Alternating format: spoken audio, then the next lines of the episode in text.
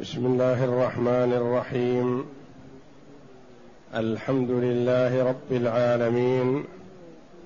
والصلاة والسلام على نبينا محمد وعلى آله وصحبه أجمعين. وبعد. بسم الله. أعوذ بالله من الشيطان الرجيم. بسم الله الرحمن الرحيم. قد سمع الله قول التي تجادلك في زوجها وتشتكي إلى الله والله يسمع تحاوركما ان الله سميع بصير. الذين هذه السورة هذه السورة تسمى المجادلة أو المجادلة. يصح بفتح الدال وبكسرها وهي من السور المدنية والسور المدنية التي نزلت بعد هجرة النبي صلى الله عليه وسلم من مكة إلى المدينة حتى وإن نزلت بمكة أو في الأسفار. أو في حجة الوداع يقال لها مكية يقال لها مدنية. وما نزل قبل هجرة النبي صلى الله عليه وسلم من مكة إلى المدينة يقال لها مكية حتى ولو كان نزولها خارج مكة. قال القرطبي هي مدنية في قول الجميع. إلا رواية عن عطاء أن العشر الأول منها مدني وباقيها مكي.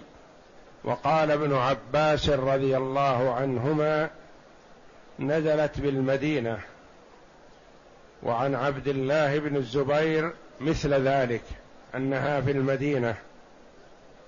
قال العلماء وهذه السورة اول النصف الثاني من القرآن باعتبار عدد السور وهي أول العشر الأخير من القرآن باعتبار الأجزاء لأنها أول الجزء السابع أول الجزء الثامن والعشرون الثامن والعشرون والتاسع والعشرون والثلاثون. يقول الله جل وعلا في أول السورة قد سمع الله قول التي تجادلك في زوجها وتشتكي إلى الله والله يسمع والله يسمع تحاوركما. إن الله سميع بصير. هذه السورة العظيمة في سبب نزولها نزلت في خولة بنت ثعلبة زوجة أوس ابن الصامت أخو عبادة ابن الصامت المكثر من رواية الحديث عن النبي صلى الله عليه وسلم. وذلك أنهم كانوا في الجاهلية إذا شبه الرجل زوجته بامرأة من محارمه من أقاربه اعتبر ذلك طلاق فلا تحل له بعد ذلك. وتقول خوله بنت ثعلبة كانت تحت أوس ابن الصامت وكان رجلا كبيرا شيخ كبير وكان في خلقه سوء يعني يغضب سريع الغضب. وبعض المفسرين يقول فيه لمم فإذا اشتد عليه اللمم لا يدري ما يقول. تقول دخل علي يوما من الأيام فراجعته في أمر من الأمور فغضب غضبا شديدا ثم قال أنت علي كظهر أمي. ثم إنه خرج إلى نادي قومه ساعة وظهر عليه أثر الندم. لما قال. ثم جاء كأنه يريد أن ينسخ ما قال. فأرادني عن نفسي. فقلت لا والله. والذي نفس خولة بيده. لا تقربني. حتى يقضي الله ورسوله فينا. بما قلت. فعزم علي فغلبته كما تغلب المرأة الشابة النشيطة الشيخ الكبير فرميته اقذفته. فقال اسأل رسول الله صلى الله عليه وسلم. تقول فاستعرت من أحد جاراتي ثوبا فلبسته. بين حال الصحابة رضي الله عنهم والحاجة التي هم فيها. ما عندها ما يكفي من الثياب تلبسه لتذهب إلى النبي صلى الله عليه وسلم. إلا بالعارية. تقول فذهبت إلى رسول الله صلى الله عليه وسلم وعنده عائشة. فأخبرته بما صار. فقال عليه الصلاة والسلام لا أراك إلا وقد حرمت عليه فقالت يا رسول الله ما ذكر طلاقا؟ قال ما أراك إلا قد حرمت عليه فأخذت تردد وتقول يا رسول الله انظر في حالي وتلح وتتوجه إلى الله جل وعلا بالسؤال والدعاء والتضرع وتقول أوس أخذني وأنا شابة. كثير يرغب في. فلما كبر السن ونثرت ما في بطني وكبرت حرمني على نفسه. ماذا أفعل بالصبيه بالصبية يا ربي؟ إن ضممتهم إليه ضاعوا. شيخ كبير مع عدد من الصبية وإن ضممتهم إلي جاعوا منين أطعمهم؟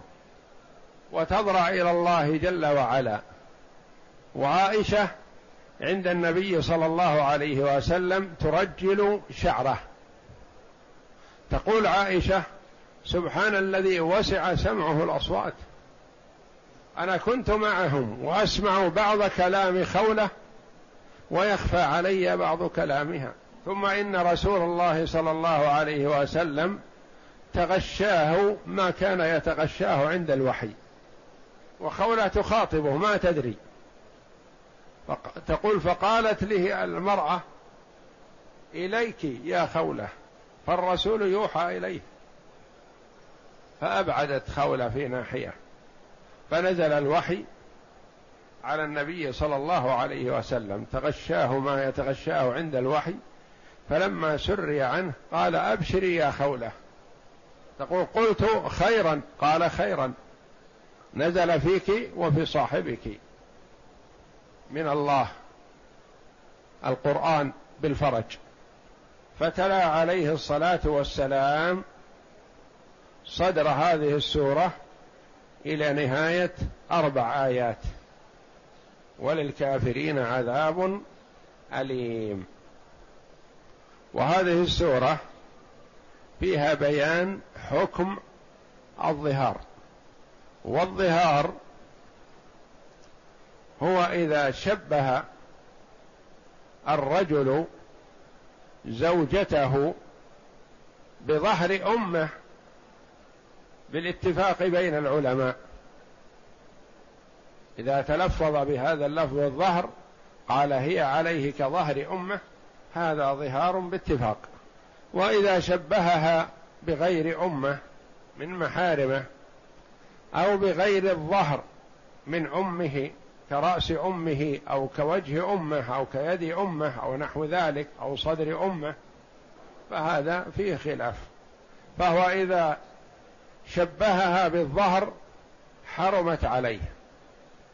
فإن أراد أن يتحللها ويعود إليها فعليه كفارة الظهار المذكورة في هذه الآيات الكريمة وهي عتق رقبة. فإن لم يجد فصيام شهرين متتابعين. فإن لم يستطع أطعم ستين مسكينا. فإن لم يجد فيرى بعض العلماء أنها تبقى في ذمته متى ما قدر عليها. وبعضهم يرى أنها تسقط لعجزه. تقول خوله فقال النبي صلى الله عليه وسلم مري صاحبك أن يعتق رقبة. تقول قلت والله لا يجد. قال مريه أن يصوم شهرين متتابعين. فقلت يا رسول الله إنه شيخ كبير وما به قدرة على الصيام. قال مريه أن يطعم ست فرقا ستين مسكينا. تقول فقلت يا رسول الله إنه لا يجد. فقال النبي صلى الله عليه وسلم أنا أعينه. تقول فقلت وأنا أعينه. قال أحسنت. مريه يطعم ستين مسكينا. وهذا سبب نزول صدر هذه السورة الكريمة. على قول كثير من المفسرين.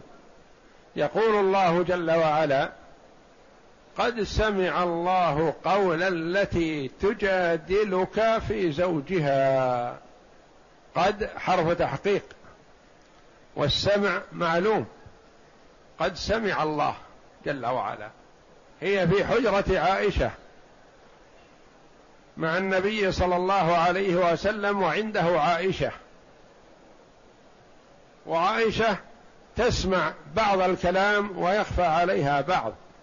فأنزل الله جل وعلا قد سمع الله قول التي تجادلك في زوجها. فهي تضرع إلى الله جل وعلا وتدعوه ليحل مشكلتها هذه وهذه الورطة التي تورطت بها. امرأة معها صبية. إن تركتهم عند أبيهم ضاعوا. وإن أخذتهم وضمتها وضمتهم إليها قامت عليهم لكن يجوع. من أين لها الطعام؟ امرأة مسكينة. فما يصلح الصبية إلا بين أبيهم وأمهم.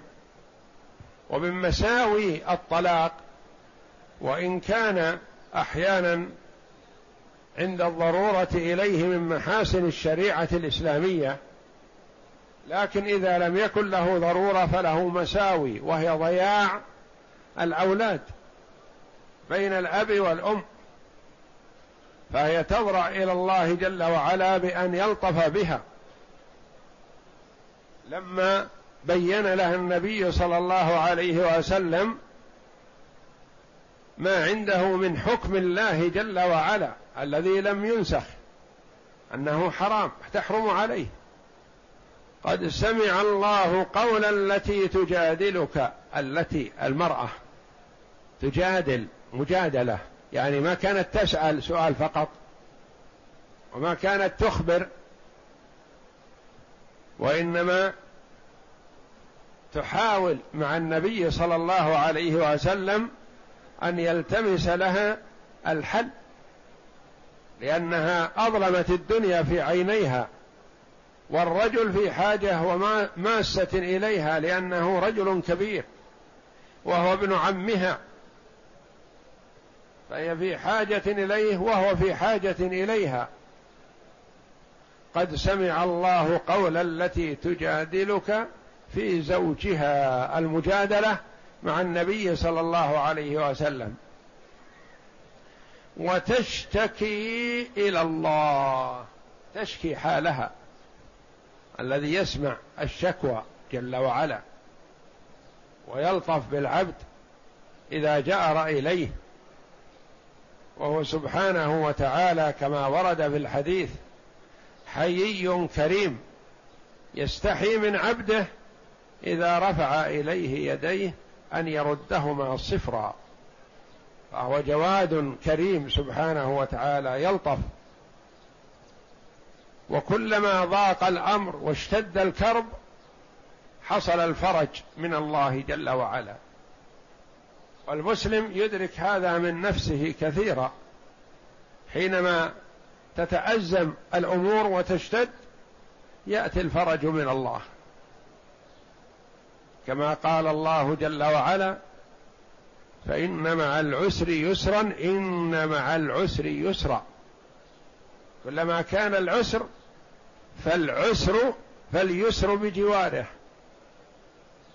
وقال النبي صلى الله عليه وسلم في هذه الآية الكريمة لن يغلب عسر يسرين لأن اليسر في الآية مكرر فالأول غير الثاني والثاني غير الأول والعسر واحد.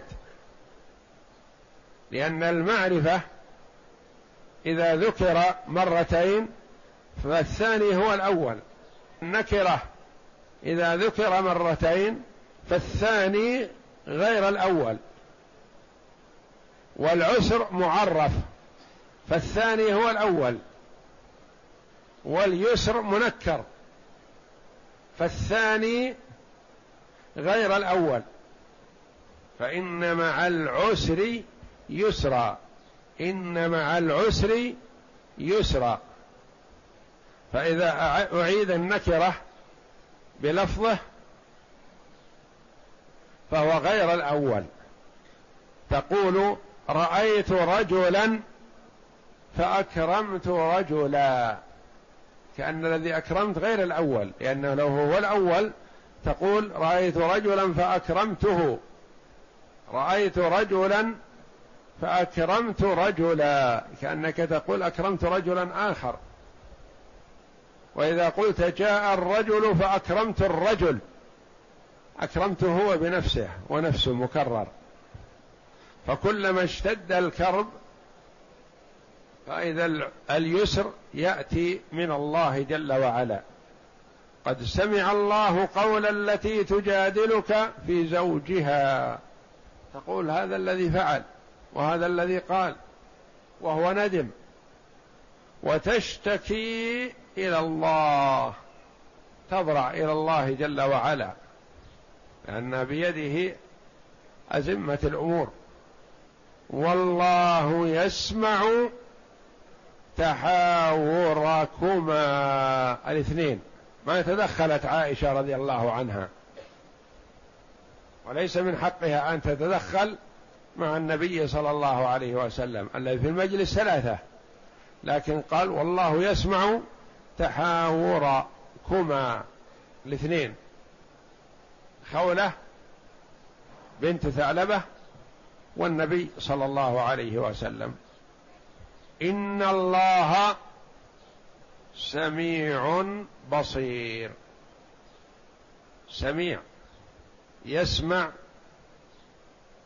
ما يقال وإن كان سرا وإن خفي وإن لم يسمعه المخاطب فالله جل وعلا يسمعه. بصير يبصر جل وعلا.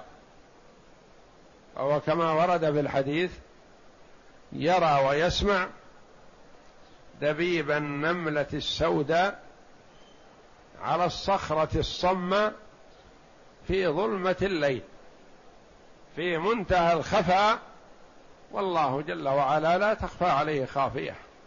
وفي هذه الآية الكريمة إثبات صفة السمع لله جل وعلا وإثبات صفة البصر لله جل وعلا. سمع وبصر احاطا بكل شيء بالظاهر والخفي والسر والإعلان. وننزه ربنا جل وعلا عن أن نشبهه بصفات المخلوقين فهو جل وعلا يرى ويسمع بسمع وبصر يليق بجلاله وعظمته. وهو جل وعلا مستو على عرشه بيننا وبينه في جهة العلو ما الله به عليم. بيننا وبين السماء الدنيا مسيرة خمسمائة عام. ومن السماء الدنيا إلى السماء الثانية مسيرة خمسمائة عام. وهكذا من كل سماء إلى سماء مسيرة خمسمائة عام. وكثف كل سماء مسيرة خمسمائة عام مثل ما بين السماء والأرض. كثافة السماء الدنيا مثل ما بين السماء والأرض. وفوق السماء السابعة بحر ما بين أسفله وأعلاه كما بين السماء والأرض. والعرش من أسفله إلى أعلاه كما بين السماء والأرض. والله جل وعلا مستو على عرشه وهو مستغن عن العرش وعن سائر المخلوقات. والعرش وسائر الخلق محتاجون إليه جل وعلا. سمع جل وعلا مخاطبة هذه المرأة المسكينة للنبي صلى الله عليه وسلم. قد سمع الله قول التي تجادلك في زوجها وتشتكي الشكوى إلى الله والمجادلة مع النبي تلتمس عنده الحل ما هي فيه. والله يسمع تحاوركما. يخبر جل وعلا عن سمعه ثم قال إن الله سميع بصير. فهو جل وعلا سميع لكل ما يقال وإن خفي. بصير جل وعلا بكل شيء. لا تخفى عليه خافية. قال الإمام أحمد رحمه الله حدثنا أبو معاوية قال حدثنا الأعمش عن تميم بن سلمة عن عروة عن عائشة رضي الله عنها قالت الحمد لله الذي وسع سمعه الأصوات. لقد جاءت المجادلة إلى النبي. وسع سمعه الأصوات يعني أحاط بها. سمع الله جل وعلا أحاط بكل الأصوات. نعم. لقد جاءت المجادلة إلى النبي صلى الله عليه وسلم تكلمه وأنا في ناحية البيت ما أسمع ما تقوله. فأنزل الله عز وجل قد سمع الله قول التي تجادلك في زوجها إلى آخر الآية. وهكذا رواه البخاري في كتاب التوحيد تعليقا فقال وقال الأعمش عن تميم بن سلمة عن عروة عن عائشة رضي الله عنها فذكره وأخرجه النسائي وابن ماجه وابن أبي حاتم وابن جرير من غير وجه عن الأعمش به. وفي رواية لابن أبي حاتم عن الأعمش عن تميم بن سلمة عن عروة عن عائشة رضي الله عنها أنها قالت تبارك الذي أوعى سمعه كل شيء. إني لأسمع كلام خولة بنت ثعلبة ويخفى علي بعضه وهي تشتكي زوجها إلى رسول الله صلى الله عليه وسلم وتقول يا رسول الله أكل مالي وأفنى شبابي ونثرت له بطني حتى إذا كبر سني وانقطع ولدي ظاهر مني اللهم إني أشكو إليك. قالت فما برحت حتى نزل جبريل بهذه الآية. قد سمع الله قول التي تجادلك في زوجها. قالت وزوجها أوس بن الصامت. وقال ابن لهيعة عن أبي, عن أبي الأسود عن عروة هو أوس بن الصامت. وكان أوس امرأ به لمم. فكان إذا أخذه لمم واشتد به يظاهر من امرأته وإذا ذهب لم يقل شيئا فأتت رسول الله صلى الله عليه وسلم تستفتيه في ذلك وتشتكي إلى الله فأنزل الله قد سمع الله قول التي تجادلك في زوجها وتشتكي إلى الله. وهذه ثعلبة آه، فوقف لها ومعه عدد كبير من الرجال وقفوا. وأصغى لها عمر رضي الله عنه وأطال معها الوقوف. ثم لما انصرفت قال له أحد الحاضرين يا أمير المؤمنين استوقفتك هذه العجوز فحبست كبارات الرجال من كبار قريش فقال ويحك أما تدري من هذا؟ قال لا. قال هذه التي سمع الله قولها ألا يسمعه عمر؟ والله لو استوقفتني إلى الليل لما انصرفت حتى تنصرف إلا لأداء فريضة من فرائض الله وأعود إليها. يقول لو استوقفتني إلى الظهر وقفت معها فإذا حان الظهر ذهبت أصلي ثم رجعت إليها فاقف معها إلى العصر ثم أذهب أصلي العصر وأعود إليها حتى تكون هي التي تنصرف لأن الله جل وعلا سمع كلامها وقولها قد سمع الله قول التي تجادلك في زوجها. وقال ابن أبي حاتم حدثنا أبي قال حدثنا موسى بن إسماعيل أبو سلمة قال حدثنا جرير يعني ابن حازم قال سمعت أبا يزيد يحدث قال لقيت امرأة عمر رضي الله عنه يقال لها خولة بنت ثعلبة وهو يسير مع الناس فاستوقفته فوقف لها ودنا منها وأصغى إليها رأسه ووضع يديه على منكبيها حتى قضت حاجتها وانصرفت.